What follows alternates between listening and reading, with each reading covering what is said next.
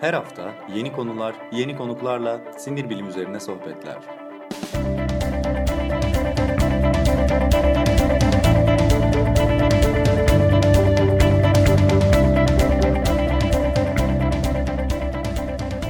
Neuroblog Podcast başlıyor.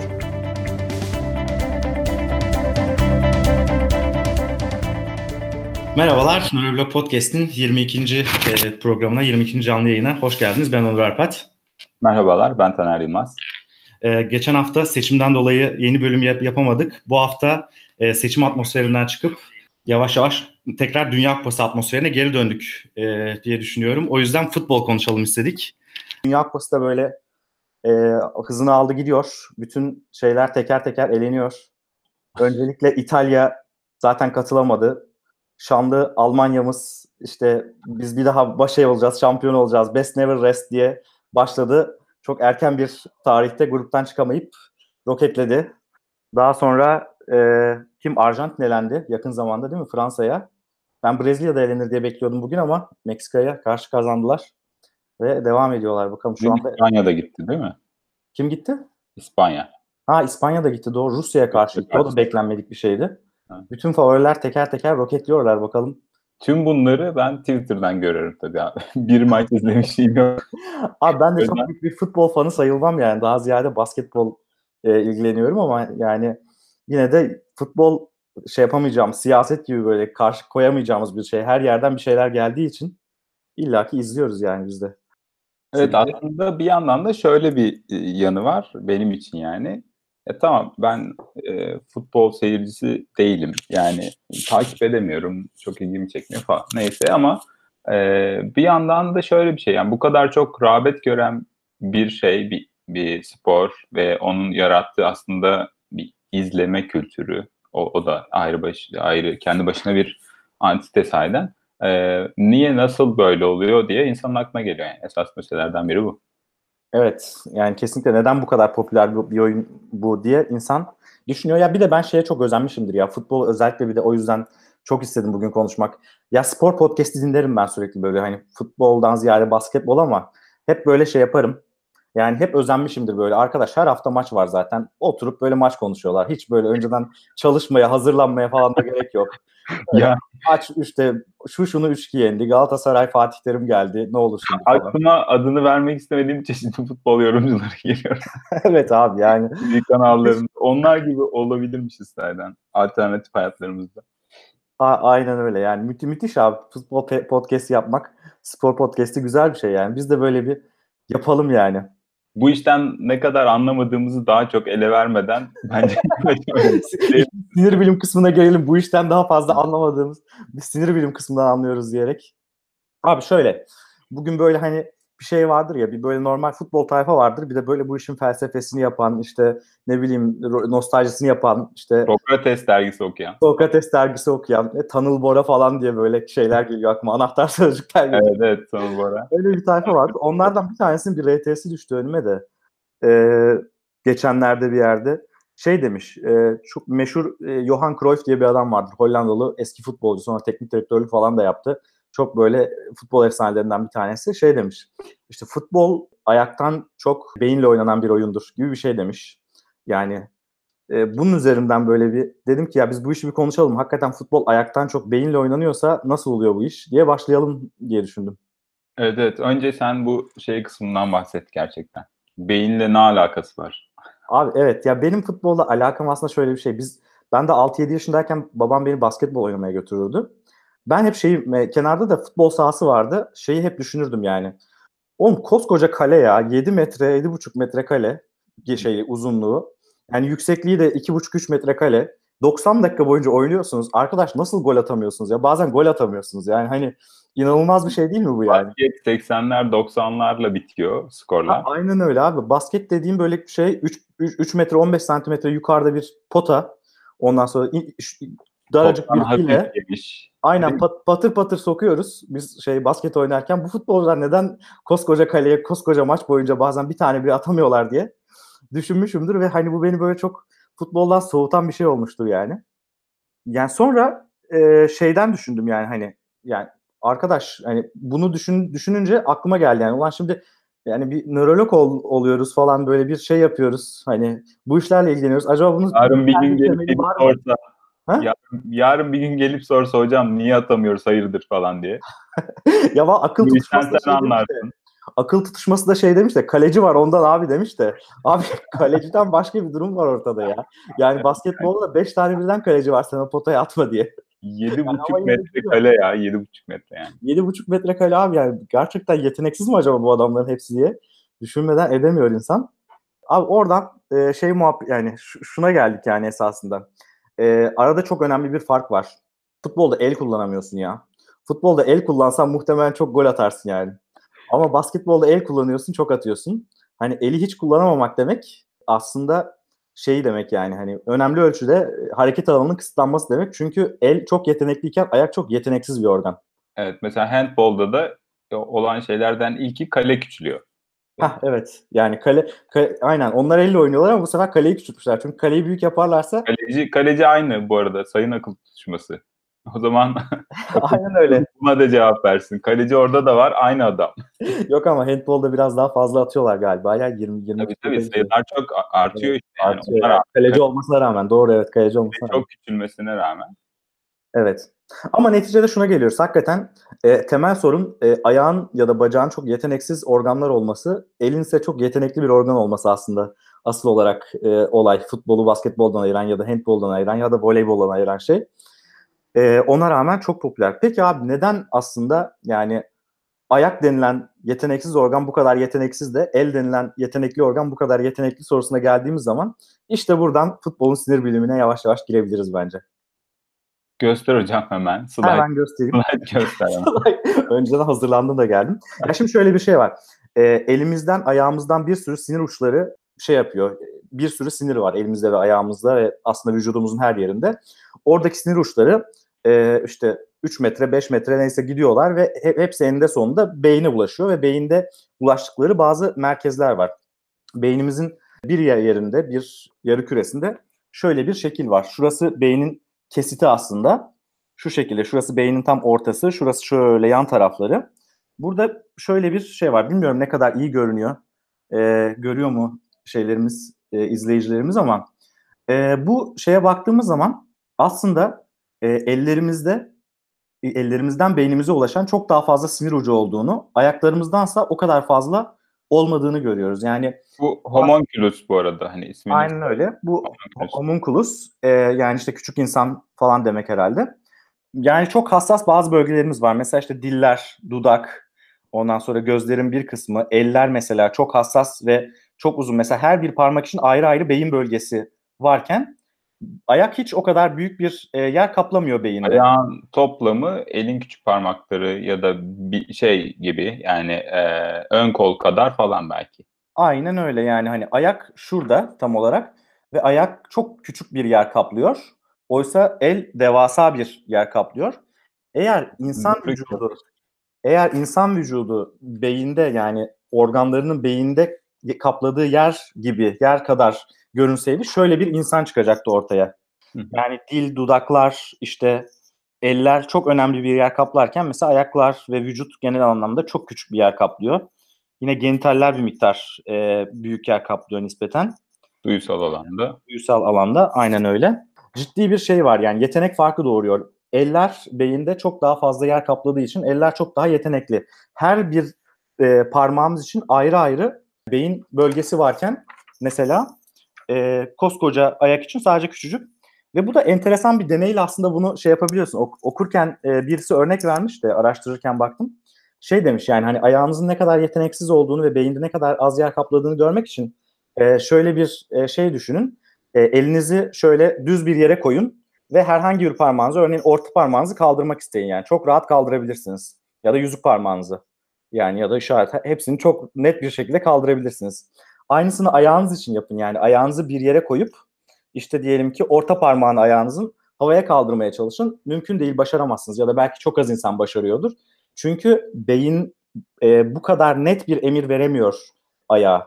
E, o kadar net bir şekilde orta parmak temsil edilmediği için, ayağın orta parmağı temsil edilmediği için hepsini birden kaldırmak zorunda kalıyorsun. Ya da belki sadece baş parmağını kaldırabiliyorsun. Çok ender bir insanlar seçerek e, ayak parmaklarını havaya kaldırabiliyorlar ya da oynatabiliyorlar. Yani bu enteresan e, bir şekilde beyinden kaynaklandığını gösteriyor aslında. Ayakların bu kadar yeteneksiz organlar olmasını. Ona rağmen fena değiller ya yani. yani ayaksız kalmak istemem açıkçası. Ayak yine iyidir yani. yani şey gibi e, futbolcular da fena değil. O görüntülere bakılacak olursa bizde oldukça yeteneksiz ama tabii ki bir plastisitemiz var mesela futbolcularda bu acayip boyutlara ulaşıyor, ulaştığında görüyoruz. Aynen öyle. Gerçekten de bununla ilgili yapılan çalışmalar var. Futbolcularda bu ayağın beyindeki temsillerin çok daha büyük olduğunu gösteren çalışmalar var. Yani onlar oynaya oynaya ayaklarını çalıştıra çalıştıra beyinlerinde ayak için daha büyük bir yer açabilmişler ve bacak için genel olarak. Böyle enteresan çalışmalar var. Zaten bence burada şeye de vurgu yapmak lazım. Mesela e, yaygın yanlış e, bilgilerden ve ön yargılardan birisi şu. E, şeyle ilgilenenler mesela sporla ilgilenenler hani bu Amerikan filmlerinde de bazen böyle karikatürize edilir ya. Daha az zeki gibi. Böyle bir tane çalışma da vardı. Daha az zekiymiş gibi bir e, yanılgı ortaya çıkıyor. Halbuki şeyi biliyoruz mesela yani motor gelişimi birlikte sağladığınızda çocuklar en azından şöyle diyebiliriz. Zeka kapasitelerini daha maksimalde kullanabiliyorlar. Aslında beyin gerçekten motor ve işte diğer e, soyut zekanın birlikte geliştiği bir alan. Plastisitesi oldukça yüksek. Aynen öyle. Aslında e, futbolcuların genel olarak bilişsel kapasiteleri ortalamadan daha yüksek çıkıyor bütün çalışmalarda. Ortalama hani vatandaş ortalamasından daha yüksek çıkıyor genel olarak. Topuna çıkmıyorlarsa. o ayrı bir hikaye gerçekten. Ama en, şey yani e, bir de şey var mesela çok enteresan İsveç'te Karolinska Enstitüsü'nde bu Nobelleri falan veren enstitüde yapmışlar bu çalışmayı. 12-19 yaş arasındaki gençlerin e, kognitif başarılarından yani genel zekalarından ileride ne kadar iyi bir futbol olacaklarına dair de bir ne kadar iyi futbolcu olacaklarına dair bir çalışma yapmışlar. Yani bunların zekası daha yüksek olanın daha iyi futbolcu olur diye. Ve hakikaten de genel olarak bu doğru çıkmış. Yani zekası daha yüksek olanlar enteresan bir şekilde daha iyi futbolcu olmuşlar. Daha fazla gol atmışlar, daha fazla işte gol pası vermişler vesaire falan gibi enteresan bir çalışma da var bununla ilgili. Ya burada böyle kendi yayınına atıf yapan şeyler gibi, yazarlar gibi kendi bölümümüze atıf yapalım. Hani beyin niye var?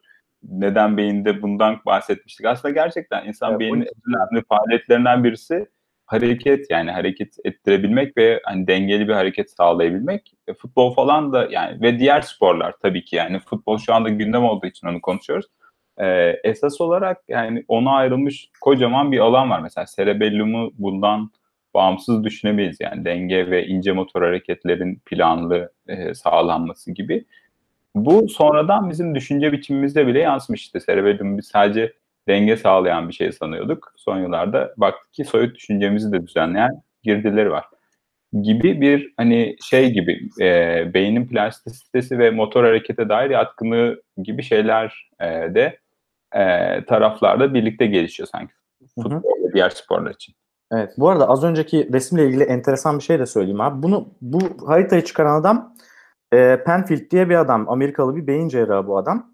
E, ve bu bunu epilepsi hastalarında yaptığı cerrahiler sırasında ortaya çıkarıyor. Yani işte e, bir yere dokunuyor. İşte muhtemelen uyanık cerrahiler bunlar. İşte nereyi hissettin diyor. Bakıyor işte e, elimi hissettim, ayağımı hissettim, parmağımı hissettim falan derken şu haritayı çıkarıyor. Daha sonra tabii beyin e, görüntüleme çalışmalarıyla da bu harita doğrulanıyor.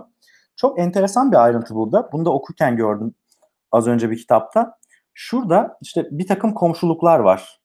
İşte diyelim ki dil, dilin yanında işte şey var, dudak var, dudağın yanında burun var. Ondan sonra gözler, hani beyindeki temsilleri. Şöyle geliyor abi, en son şuraya geldiği zaman en altta genital bölge var. Genital bölgenin hemen yakınında e, ayak ve ayak baş parmağı var. Bu yakınlıktan dolayı bu ikisinin arasındaki bağlantıların e, ayak fetişizmine e, yol açmış olabileceğine dair enteresan bir iddia var. Yani bunlar birbirine çok yakın olduğu için genital bölge ve e, ayak. Ama bu, benim itirazım var şimdi. Yani en, enteresan bir teori bilmiyorum nasıl kanıtlanır da ayak fetişizminin sebebinin bu iki bölge arasındaki yakınlık ve bağlantı olduğunu söyleyenler var. Ama o zaman niye herkes de olmuyor diye de bir soru gelmiyor değil insanın aklına. Benim aklıma aslında Ben- şöyle ya ayak fetişizm konu nasıl ayak fetişizmine geldi bir dakika. Bilmiyorum abi ben de şimdi az önce ben hiç sevmem ayak falan diyecektim. Kendimi zor tuttum zor tutamadım. ayak fetişizmi ile ilgili şöyle bir itirazım var. Ayak fetişizmi abi ayaklarından uyarılan insanlar değil genellikle. Ayakları gördüklerinde uyarılan insanlar. O yüzden hani onlar birbirine yakın ayaklarına dokununca genitalleri dokunulmuş gibi uyarılıyor gibi bir şey pek rastladığımız bir şey değil yani. O ayrı bir şey aslında diye düşündüm. Bilmiyorum çok. E- enteresan bilmiyorum yani böyle bir teori varmış ama ne kadar kanıt bulunur buna bilmiyorum. Biz, bu, biz buradan söylemiş olalım. Görevimizi yapalım böyle enteresan bir şey var diye. Herkes kendi araştırsın. Çağlar Tüfekçi belgeselde izlemiştim. Hangi ülke bilmiyorum ama bir adam dan bahsediyorlardı. Hem tiyatro sahibi hem de futbol takımı. Ben öyle bir hikaye duyunca İzlanda geliyor aklıma. futbol takımının hepsi başka işler yapan bir ülke olduğu için kendisi. Evet. E, Cruyff'un sözü işte biz e, beyin, futbol aslında e, ayaktan çok beyinle oynanan bir spordur e, sözünden bahsedip kognitif fonksiyonlardan da bahsettik aslında. E, bu insanın yani genel oyun zekasının e, aslında futbol becerisini de genel olarak arttırdığını gördük. Bunun aslında yani biz futbol daha iyi bilsek e, örnekleri de var. Ne bileyim Xavi'dir, Iniesta'dır. Bunlar benim şeylerde 2000'li yılların başında hala futbolu takip ederken e, izlediğim bir takım şeylerdi, insanlardı. Ufak tefek futbolculardı yani gördüğüm kadarıyla ama inanılmaz paslar atarlardı falan. Tevfik gelmiş bu arada. Hoş geldin Tevfik. Evet hoş geldin. Ee, kafa topu abi. Onu unutturmak istemiyorum. Aa, kafa topundan bahset. Aynen. Kafa topları çok önemli abi. Yani Futbol her zaman o kadar iyi olmayabiliyor. Ee, şeyde de gösterilmişti bu yani. Kafaya darbe iyi bir şey değil. bu net, bu veri. Ufak darbeler olsa bile ki çok ufak kalmıyor aslında. Sert bir e, şut ya da sert bir topa kafa atmak orta şiddete yakın bir darbeye e, sebep olabilir. Ne oluyor hocam öyle olunca? evet yani esasında futbol topuna kafa atmak demek bir, çe- bir çeşit beyin sarsıntısı yaşatıyorsunuz kendi kendinize. Bununla ilgili yapılan de çok enteresan çalışmalar var. Daha çok yakın bir zamanda yani e, birkaç ay öncesinde bir çalışma yayınlandı. E, önceden hep şey düşünülüyordu. Mesela Muhammed Ali örneğini bilir herkes. İşte boks üzerinden mesela işte kafasına o kadar fazla darbe aldı ki işte Parkinson oldu. Acaba kafasına darbe almasıyla Parkinson olmasının bir ilişkisi var mı falan diye. Hakikaten de kafaya yüksek oranda darbe almanın, e, kronik olarak darbe almanın e, Parkinson gibi, Alzheimer gibi bir takım hastalıklara sebep olduğunu artık biliyoruz biz. Nöron ölümüyle bağlantılı olarak e, kronik beyin sarsıntısının. Ama daha da enteresan bir şey ortaya çıktı son aylarda. Amerika'da özellikle çok fazla bununla ilgili Amerikan futbolu üzerinden çalışmalar yapıldı ve e, en sonunda futbol üzerinden şunu yaptılar. Genç çocuklarda yani işte 10-15 yaşındaki çocuklarda futbol antrenmanında kafa topuna e, çıkma antrenmanından sonra bayağı yani kafayla bunun bir antrenmanını yapıyorlar yani kafa topuna çıkıp kaleye şey gol atmaca antrenmanı.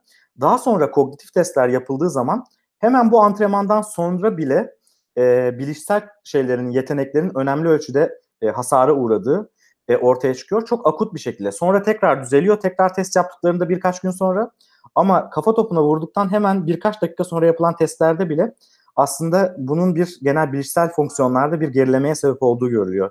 Bu çok enteresan e, bir olay aslında.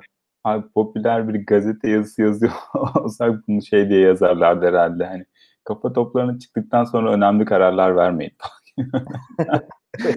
ya, ileriki dönemde de muhtemelen bu mikro travmatik durumlar biraz etkiliyor olabilir gibi görünüyor. Yani o yönde çalışmalar ben de okumuştum. Evet aslında bu konuda şey de oldu yani Amerika'da özellikle büyük bir şey oldu. Ee, yani aileler çocuklarınızı Amerikan futboluna göndermeyin e, gibi bir takım propagandalar oldu ama sadece Amerikan futbolu değil işte dövüş sporlarında da ya da işte, işte futbol gibi aslında nispeten daha az kafa darbesi alınan şeylerde bile e, böyle bir e, sıkıntı olabilir ve ilerleyen dönemde neye yol açacağını da bilmiyoruz tabii. Sonuçta aslında yani kitle sporu çok yeni bir şey.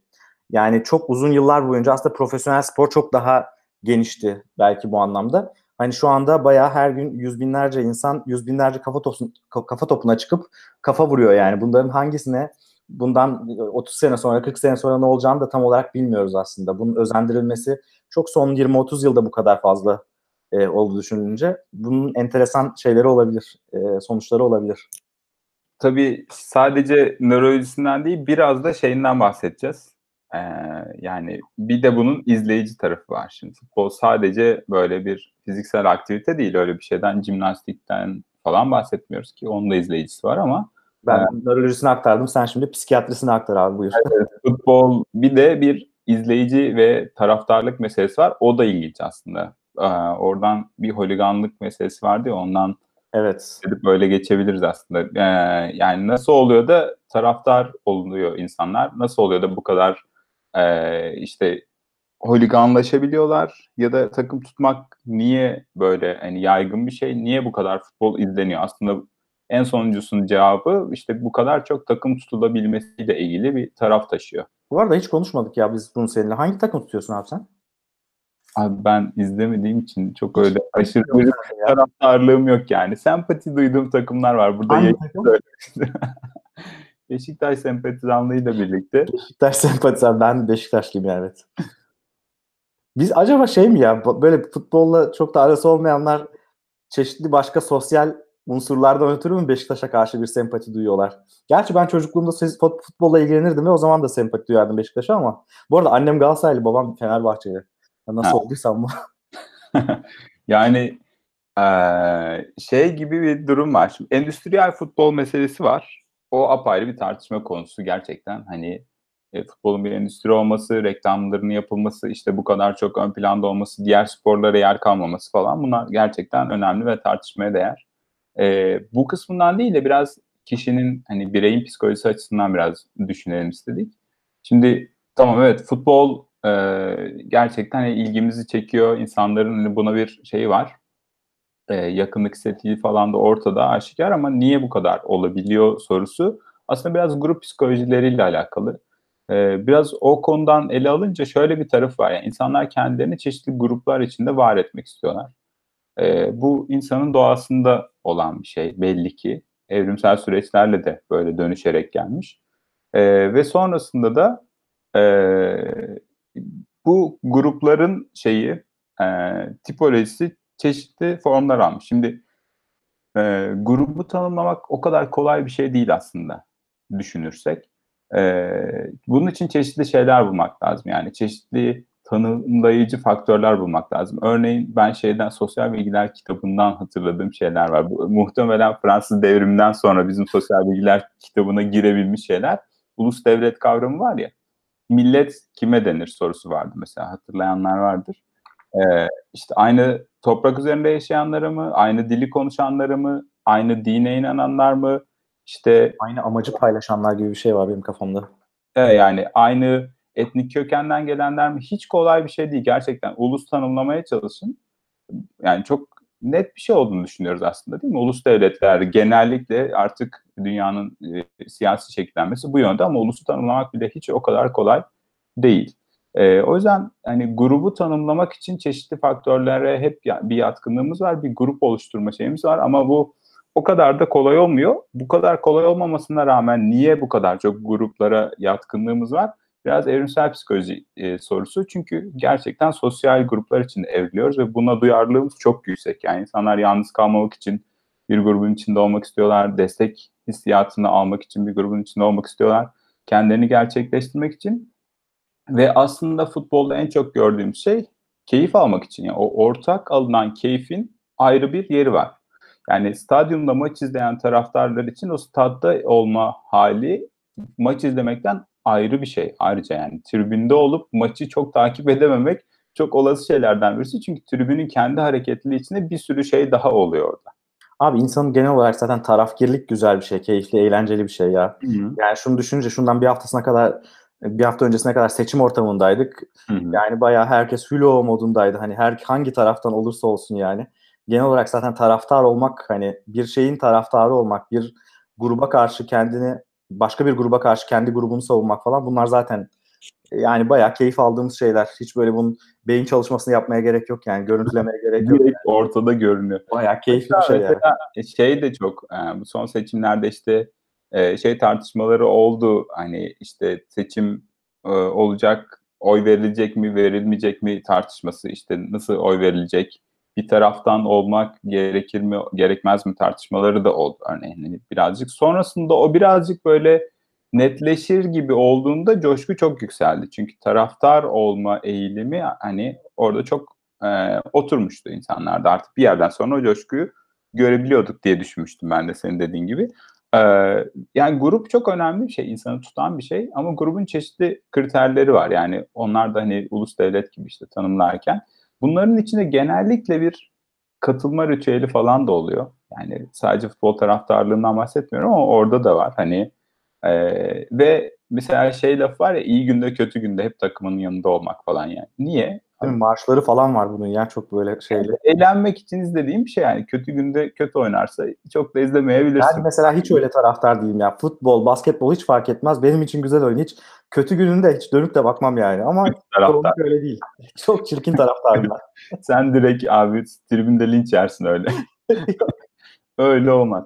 Ee, çünkü niye? Hani tara- o grupla birlikte olmanın kendisinin getirdiği keyif aslında maçın yani maç izlemek veya diğer aktivitelerin önüne geçmiş oluyor. Yani bu bunun gibi başka grup çalışmaları var sosyal psikolojide. Şunu göstermişler abi. Mesela taraftarlar olarak ya da grup üyeleri olarak gruba gidince oradaki başka insanlarla iletişimden çok o grubun kendisi de önemli bir faktör ve buna bir entitivite ya da antitivite diyebiliriz e, diyorlar. Yani grubun kendisi de bir antitedir. Sadece yani taraftarlık, Fenerbahçe taraftarı şöyle şöyle olur. İşte Beşiktaş çarşı grubu böyledir denilen bir kimlik kazanmaya başladığında ayrı bir şey ifade etmeye başlıyor ve bu insanlar için gerçekten e, nöronal düzeyde de keyfi arttıran ve etkileyen bir şey. Keyfi arttıran ya da hani duygusal etkinliği olan mesela şöyle bir çalışma var.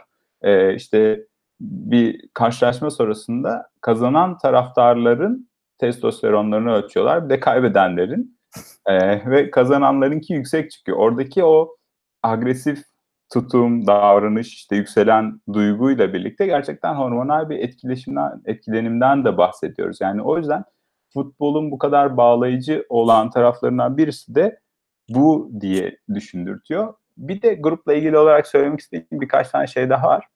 Ee, şimdi grup oluşunca grup normu oluşuyor mesela. Şöyle, e, sosyal psikologlar şöyle diyorlar. Mesela otobüs durağında bekleyen insanlar bir grup mudur? Değildir. Hani rastgele ise e, yani onlar için mesela şöyle bir örnek geldi benim bu örneği ilerletecek olursak. E, ama mesela otobüs durağında beklerken bir grup insan. E, yanlarında yolda ne yazık ki hani hiç de e, absürt kaçmayan bir şekilde ne yazık ki e, şöyle bir şey görebilirler. İşte birisi bir, bir erkek bir kadına şiddet uyguluyor.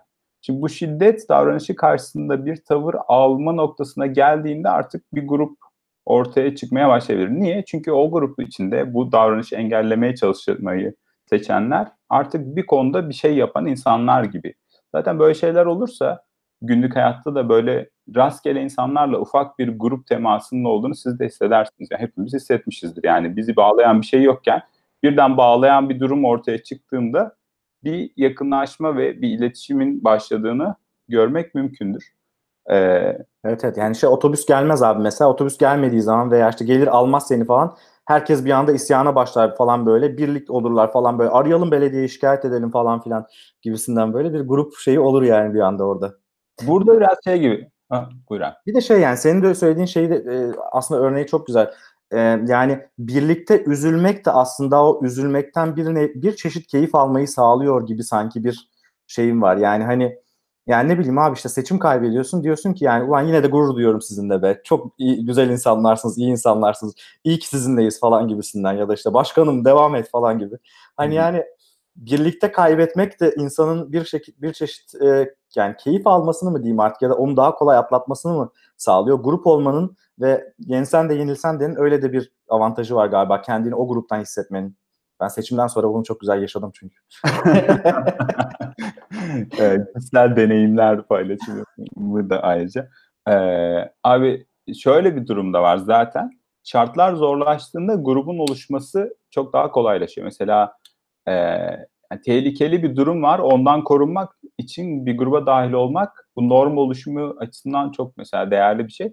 Ee, çok daha eğilimin artıyor. Örneğin işte ergenlerde bu çetelere katılma meselesinin bununla ilgili olduğunu düşünüyorlar. Çünkü yani şiddet görmek yerine bir çeteye dahil olursan kendini koruman çok daha e, kolay olabiliyor ve bu bir eğilim yani tehlikeli durumlar varsa bir faktör var ama burada eğer çok ezici ve yıkıcı bir şiddet varsa örneğin işte toplama kampı ya da işte mülteci olmak gibi artık dış baskı, dış şartlar, işte fiziksel şartlar o kadar zorlayıcı olabilir ki burada insanların gruplaşmalarının bile mümkün olmadığını göstermiş çalışmalar. Bu çok önemli bir şey çünkü bu hani en temel olan kendini onarma çabasını bile gösteremeyen bir hale sokuyor insanı. Yıkıcılık biraz da buradan geliyor. Şeyleri de biliyoruz işte mesela yaz bizim kültürümüzde daha da vardır ama her kültürde var bir değil mi ee, ölüm ve yaz ritüeli. Bu ritüelde ne olur? Genelde insanlar bir araya toplanır. Yani bu gruplaşma hani gerçekten de sağaltıcı ve destekleyici bir tarafa da sahip gibi görünüyor. Evet. Yani öte yandan da işte bu gruplaşmanın bir sonucu olarak holiganizm meselesi ortaya çıkıyor. Ee, bununla ilgili yapılan da çok enteresan beyin görüntüleme çalışmaları var. Ee, hatta bir tanesi beni çok şaşırttı. Şöyle bir şey yapıyorlar abi, şöyle bir düzenek kuruyorlar. İki grup insan tamam birileri, birilerine işte mavi tişört giydiriyorlar, birilerine kırmızı tişört giydiriyorlar. Ama bunlar aslında bir takımı temsil ediyorlar. Yani atıyorum işte ne olsun biri mavi tişört giyenler Fenerbahçeliler olsun, e, kırmızı tişört giyenler e, Galatasaraylılar. Ve bunun üzerinden şunu yapıyorlar abi. İnsanları MR makinesinin içine alıyorlar. Şunu gösteriyorlar. Bir e, kişi orada acı çekiyor. E, acı çekerken de bunları görüyorlar MR makinesinin içindeki kişiler ve o sırada da beyinlerinin filmi çekiliyor. fMRI e, şeyi görüntüleri çekiliyor. Eğer giydikleri yani görüntüsünü izlerken giydikleri insan kendi formalarını yani kendi renk e, takımlarının rengindeki formayı giyiyorsa onlarda anterior insüler korteks denilen işte şeyden ne denir onun adı diğer kamlıktan ya da işte bu şey e, empati ile alakalı olduğu düşünülen bir beyin bölgesi ışıl ışıl oluyor hemen e, fMRI'da. Şeyde ise diğer takımın formasını giyen birileri varsa ve onlar acı çekiyorsa eğer onları acı çekerken gösteriyorsa videoda bu sefer de nucleus accumbens aktive oluyor. Bayağı bildiğin keyif alıyorlar yani keyif haz merkezi beynin aktive oluyor. Az ya da çok kişilerin holiganlığına göre. Bu da ama işte bu grup olmanın avantajlarıyla birlikte dezavantajlarını da holiganizm meselesinde getirdiğini gösteriyor bize. Yani bir anda e, insanların Tevfik de burada Tevfik e, yorumları da yazdı. Yani kişisel olarak, bireysel olarak yapmayacakları bir sürü şeyi işte şiddeti, işte soykırımları vesaire grup olarak yapabiliyor, yapabildikleri durumlara sebep olabiliyor böyle şeyler. Stanford hapishane deneyi var mesela. Hı hı. Orada da yani aynı psikoloji öğrencileri, aynı grup psikoloji öğrencilerini ikiye bölüp bir deney yapıyorlar. İşte iki hafta sürdürülmesi planlanıyor ama altıncı gününde iptal ediyorlar deneyi. Çünkü bunlardan bir grup işte hapishanenin şeyleri, gardiyanları, öbür gruplar e, işte mahkumlar. Bu roller dağıtıldığında gardiyanlar o kadar gadar davranmaya başlıyor ki ötekilere yani sürdürülemeyecek hale geliyor. Yani o grubun grubun getirdiği norm artık bizim kendi normumuz olabiliyor. Bu kadar kurgusal olsa dahi bu çok önemli bir şey. E, çünkü şöyle bir eğilimimiz var. Yani holiganizme gidince iş şöyle bir taraftan bahsetmek lazım. Şimdi e, bir bizim grubumuz var bir de o grubun dışında kalanlar var aslında. Böyle çalışmaya meyilli bir tarafı olabilir insanın. Çünkü out group homogeneity diye bir şey var. Yani bizim grubumuzun dışında kalanlar hep aynı tipte veya o öteki grubun hepsi şöyle şöyle işte A grubunun taraftarları zaten şöyle olurlar diye bunlar böyle zaten cahil, bunlar zaten akılsız. Mesela ya da işte ya da bunlar yani. bunlar geziciler, bunlar hain. Onlar ya da bunlar diye o gruplaştırmanın getirdiği bir şey var. Onların hepsini homojen bir şey gibi ve hatta e, bu homojenlik içinde hani kötü olan her şeyi atfetmek de mümkün. İşte şu anda mesela bu tehlikeli biçimde şöyle vuku buluyor aslında. Suriyeli mülteciler onlar zaten işte şöyle şöyle şöyle gibi yani o grubun hepsini bir homojenleştirip bütün bir de kötü olan ne varsa oraya projekte etmek gibi bir eğilim ortaya çıkıyor. O yüzden taraftarlığın böyle bir tehlikeli tarafı olduğu kesin. Yani holiganizme kayabilen bir tarafı olduğunu deneyler defalarca göstermiş. Ama şunu unutmamak lazım. Yani burada kaçırılan önemli bir nokta var. Buradan hemen şöyle çok basit ve çok bence e, hani nasıl diyeyim indirgeyici bir çıkarsama yapılıyor. O zaman insanın doğasında kötülük var. Yani böyle bir şey değil. Bu şuradan dolayı değil.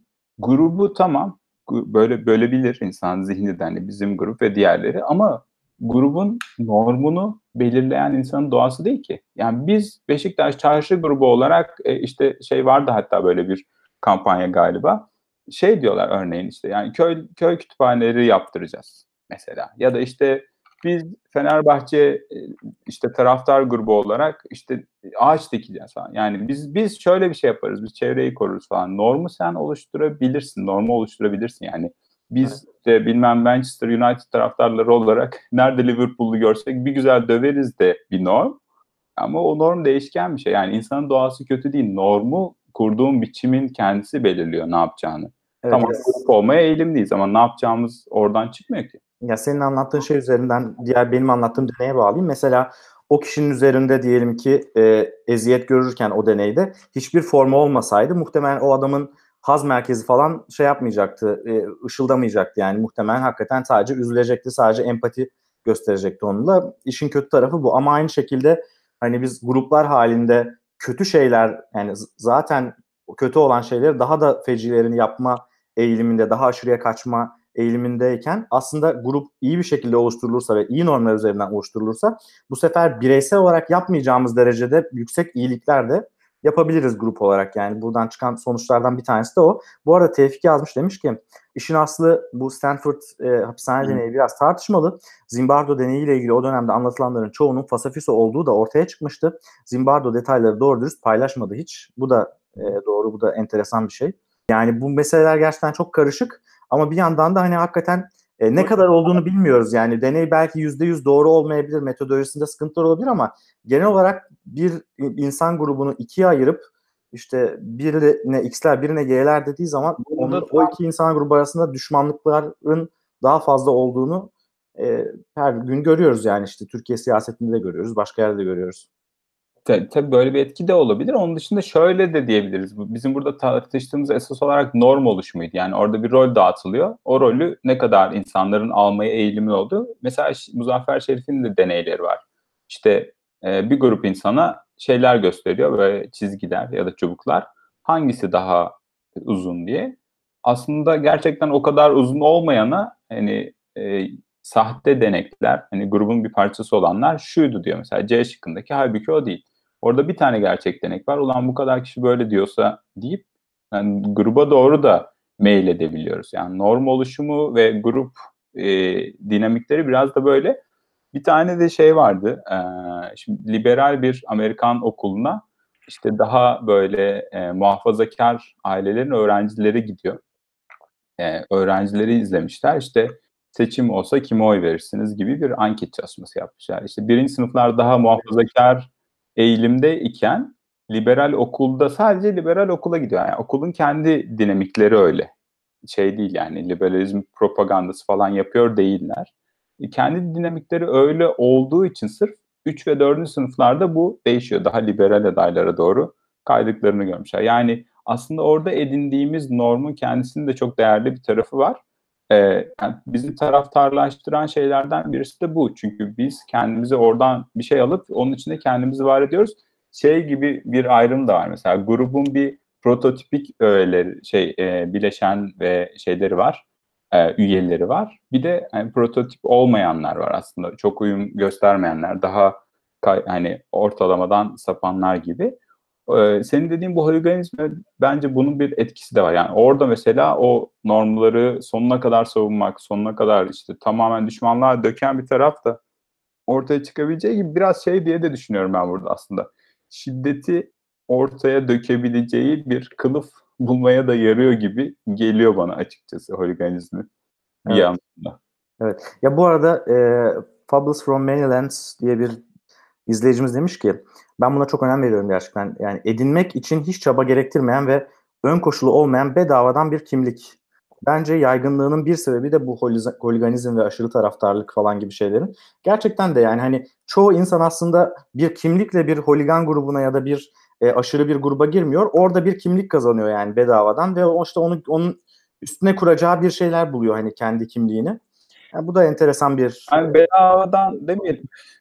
o, da bir emek. Taraftarlık Yani bir tabii emek. ki yani bedavadan derken yani kendi yaratmadığı bir ekosisteme girip e, yani kendi bir ekosistem yaratmak yerine onu konuşuyoruz ya işte o kimliğe niye ihtiyaç duyuyor? Yani insanın böyle bir tarafı var insanı o tarafa çeken. Ben hatta şey düşünüyorum yayından önce konuşurken bahsetmiştim ya ondan da bahsedeyim. Bence grubun hani o otobüs e, durağında bekleyen insanlar gibi yani orada kadına şiddet uygulanırken ne yapacaksınız sorusuyla karşılaştığında aslında grup bir tercih yapmaya başlıyor. Yani tercih yapanlar bir grup oluyor ya da. Yani şimdi futbolun bu kadar yaygın ve bu kadar tutuluyor olmasının sebeplerinden birisi de e, Salazar'ın zamanında Portekiz'de dediği gibi işte 3 ve futbol fiesta fado e, yani bu toplumu nasıl e, bir arada tutarsınız ya da nasıl uyutursunuz evet e, cevabı gibi söylemiş ama gerçekten bu birleştirici öğelerin e, şöyle bir tarafı var bence sorularla karşılaştığında insanlar politize olmaya daha yani politizasyonla kastım şu bir konuda ne yapacağına dair bir fikir yürütmek gruplar buna çok meyilli oluyor. Çünkü kendini bir şekilde tanıman lazım. Yani biz bilme A, A takımının taraftarlar olarak bu durumda ne yaparız? Sorusuyla karşılaşa karşılaşa. O yüzden biraz şöyle bir tarafı olduğunu düşünüyorum. Yani aslında futbol gerçekten işte kitlelerin sporu ve öyle olmaya da çok aday. Ama endüstriyel futbol birazcık bunun önünden bu politik tarafı e, ne diyelim yumuşatmaya, yatıştırmaya, ortadan kaldırmaya çalışıyor gibi bir his de her zaman oluyorum ben. Evet. Bu arada sana itiraz gelmiş yine aynı dinleyicimizden Fables from Mainland. Demiş ki yani hani yani emek gerektiriyor falan dedin ya sen. Yani oldum dediğinde işte atıyorum ben Fenerbahçeli oldum dediğinde oluyorsun. Daha ne kadar bedava olabilir bu kimlik yani, demiş. İyi günde kötü günde falan. ya biz niye taraftar olduk? abi iyi günde kötü günde dediğin zaman da yani işte öyle şey yapıyor ya maç izleyip küfrediyorsun en fazla. tabii ki değil şeyden bahsediyoruz yani bu kimliği üstlenmekle ilgili bir şey yoksa hani tabii ki bir şey yapmıyor. Tabii Ben yüzeysel yorumlarımdan vazgeçiyorum. Ama taraftarlar için e, işler bu kadar şey değil yani sonuçta taraftarlar gerçekten bunu önemsiyorlar. Şimdi biz böyle bir e, öylesine konuşuyoruz dışarıda. Ya ben gerçekten şey yapıyorum. Senin dediğin şey üzerinden yani taraftarlar bunu çok önemsiyorlar diye. E, abi yani siyaset okuyorum falan tweetleri. Hani altta bir tartışma dönüyor falan. Tamam yani belden aşağı tamam küfürlü. Ama futbol şeylerin tweetlerini okuyorum. Abi kanım donuyor ya. Bu nasıl bir taraf birlik siz ne yaptınız böyle bir şey? Hani öbürü hadi devletin bekası, milletin geleceği, çocuklarımızın işte bilmem nesi falan. Yani futbol üzerinden nasıl bu kadar kan dondurucu yorumlar yazabilir insanlar? Hani çok feci bir olay gerçekten. Yani bu böyle şey değil yani hani dediğin gibi çok ciddi alıyor herkes bunu. Bizim gibiler eğer yok gerçekten futbolda ya da işte genel olarak taraftarlık müessesesi. Biz iyi taraftar olamamış olabiliriz. Evet. Evet. E, emek veren kısım daha çok amigo oluyor. Ondan bahsedebilirsiniz demiş. Evet. Ya e, hakikaten enteresan. Bu arada Japonya 2 ile atmış. E, maalesef maçın ikinci yarısını izleyemiyoruz. e, onu da söyleyelim. Herhalde o Brezilya'nın rakibi olacak muhtemelen. Brezilya Japonya mı olacak o zaman? Ha, izlemek deyince dur dur benim aklıma bir şey daha geldi. İzlemenin bu şey meselesini etkisini de tartışmışlar, ele almışlar. Ee, şöyle bir şey var grupla ilgili bu taraftarlık ve maçların hani deplasmanda mı kendi sahanda mı olması ile ilgili bir etki var mı diye ona ilişkin de çok güzel bir gönderme. Yapılan ilk sosyal psikoloji deneylerinden biri olabileceğini düşünüyorlar 1898'de. Hı hı. Ee, şeyi hatırlayamadım şimdi. Ha, Zo Zoinic. Zoyonic ya da Zojonic. Tam oku, nasıl okulduğunu bilmiyorum. Ee, şöyle bir şey e, ortaya atmış. Ee, yani şeyler nasıl oluyor? Hani bu grup içindeki davranışlar acaba tek başına yapılandan farklı mı diye. E, gerçekten gözlemlemiş çocuklarda yaptığı çalışmalar sonra bunun tekrarlarını da yapmışlar. Birileri izlerken performans değişiyor. Net. Yani e, ister senin grubundan ister başka gruptan falan. Ve bunun şöyle bir etkisi var. Eğer senin yani daha iyi şut atmaya başlıyorsun, daha iyi işte evet, tam koşmaya başlıyorsun falan. Ufak bir ayr- ayraç var. Önce demişler ki yani o performansı ya artar ya azalır. Grup nasıl etkiliyor bunu? Niye grubun içinde bunu yapmaya gereği duyuyorsun? Yani bir performans sergilemek her türlü performans olabilir. İzleyiciyle açıklayan bir şey bu bir yandan. Bu bir süre böyle tartışıldıktan sonra şey biraz rafa kalkıyor. Çünkü çok iyi e, açıklamıyor durumları. Sonradan şunu fark ediyorlar eğer senin çok alışkın olduğun ve çok iyi performans göstereceğine inandığın antrenmanın iyi bir etkinlikse bu, bu müzik eseri şey, sahnelemek de olabilir. Ee, per, izleyici varken performansın artıyor. Ama o kadar iyi değilsen, o kadar iyi çalışmamışsan, işte o kadar iyi antrenman yapmamışsan o zaman izleyici varken gerilmekten dolayı performans düşebiliyor. O yüzden gerçekten de hani seyircinin baskısı maçın gidişini böyle değiştiriyor olsa gerek diye düşünüyorum. Abi bu seyirci etkisini bu arada herkes bilir ya şey olarak. Mesela ortaokulda, lisede falan işte bir anda sevdiğin kız maçını izlemeye geldiği zaman artan performansından böyle herkes bir şey yapar. Daha fazla koşmaya başlar falan böyle kenarda. Böyle şey güzel kızlar falan maçı izlemeye başladığı zaman herkes daha fazla böyle şut atmaya başlar falan. Bunlar çok şeydir yani. Evet, İşte yapmaya gerek yok yani Ziyovic'e 1898'e. Gayet hayatın içinden konuşuyoruz. Hay- hayatın içinden bir şey evet. Ortaokul lise şeylerinden bugün anı bahsettik hep. Coşan ormanlar, evet. Coşan ormanlar, coşan şeyler, fizyolojimiz. Dünya Kupası gelince bir de tabii bahis ortamları da bir coştu. O da belki başka bir podcast'in konusu olur. Yani herkes deli gibi bahis yapıyor şu anda. Ee, programı bitirmeden önce senden de bir şey alayım mı abi? Yorum alayım mı? Dünya Kupası'nı kim kazanır? Var mı? Bir Yok abi ya böyle işte benim favorilerim elendi diyerek. Valla benim de şanlı Almanya'm elendi. O yüzden Rusya Ha. alsa da alırmış yani şimdi değil mi? Şimdi Rusya var. Rusya var abi. Rusya.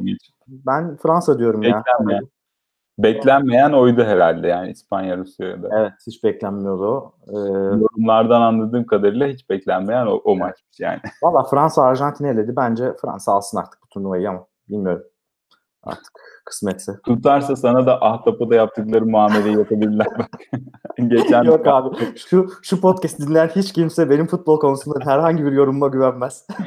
El ayak anlatıyorum burada. O yüzden diyorum ya büyük bir şaşkınlıkla ahtapot kadar iyi biliyorsun diye. Evet. Bu arada eşim mesaj atmış da şey diyor. Ayna nöronlardan bahsetmeden şu programı bitirirseniz size yazıklar olsun demiş. Aynen. Onlardan bahsedelim tabii. Yani şöyle ufak bir şey söyleyeyim ben oraya dair. Bir de fut- futbol ve diğer sporları niye izleriz'e dair şöyle bir şey var bence insan psikolojisinde. Ee, birinin, bir insanın böyle bir şey yapıyor olduğunu izlemek bile bizde çeşitli e, duygular uyandırıyor ve çok ciddi bir özdeşlik kuruyoruz. Bunun şeyleri de var. Aynı nöronlarda çalışıyor. Ben hemen oraya bağlayabilirim. Bunu söyleyecektim. Sahiden teşekkür ederim. Başka birinin oynaması da bize aslında kendimiz oynuyormuşuz gibi keyif veriyor. Bu yüzden yani aslında bu bütün bu bu kadar izlememizin hatta bahis yapmamızın hatta bir şeyler yapmamızın sebeplerinden bir tanesi de bu mu- muhtemelen ayna nöronların bizi e, bir şekilde motive etmesi. Aynı zamanda bunun hani psikolojik bir şeyi de var yani e, anlamlandırması da var. Yani birisi bunu yapabiliyor. insanlık adına yapıyor mesela. Bu da bizim için önemli. Mesela Ha, yani- Usain Bolt mesela o kadar hızlı koşabiliyor işte yani o sprinti 100 metrelik gibi. Bu böyle bir heyecan verici bir taraf taşıyor. Çünkü orada ne kadar özdeşlik kuruyorsak o kadar da heyecan verici. Yani hiç O umursamıyorsak. da var. O da var ama mesela mesela bilgisayar oyunlarını oynayanlara falan da millet artık dünya kadar para veriyor. Twitch var, yeni platformlar vesaire var. Hı hı. İşte böyle bir enteresan da bir şey yani hani e-spor falan işte gelişiyor.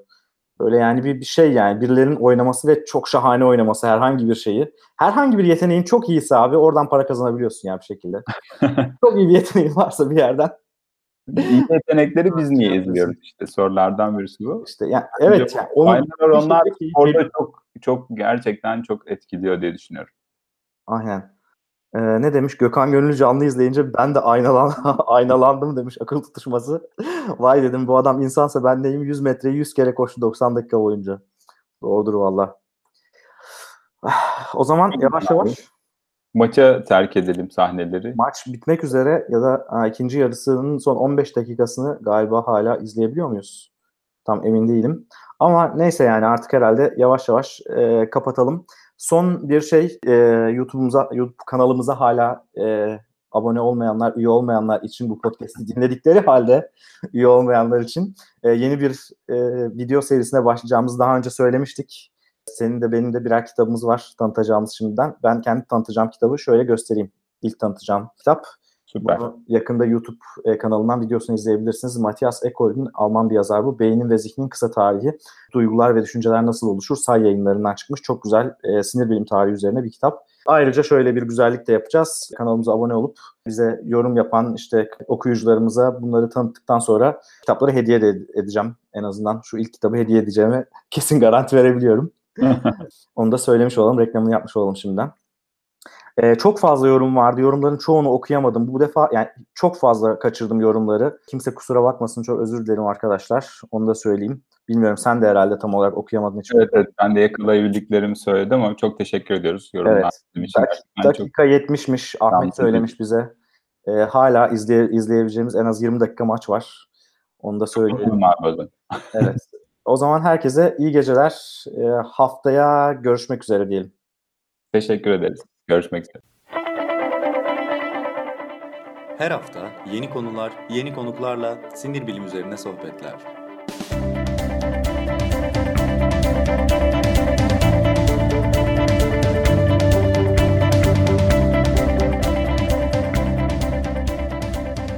Neuroblog Podcast sona erdi.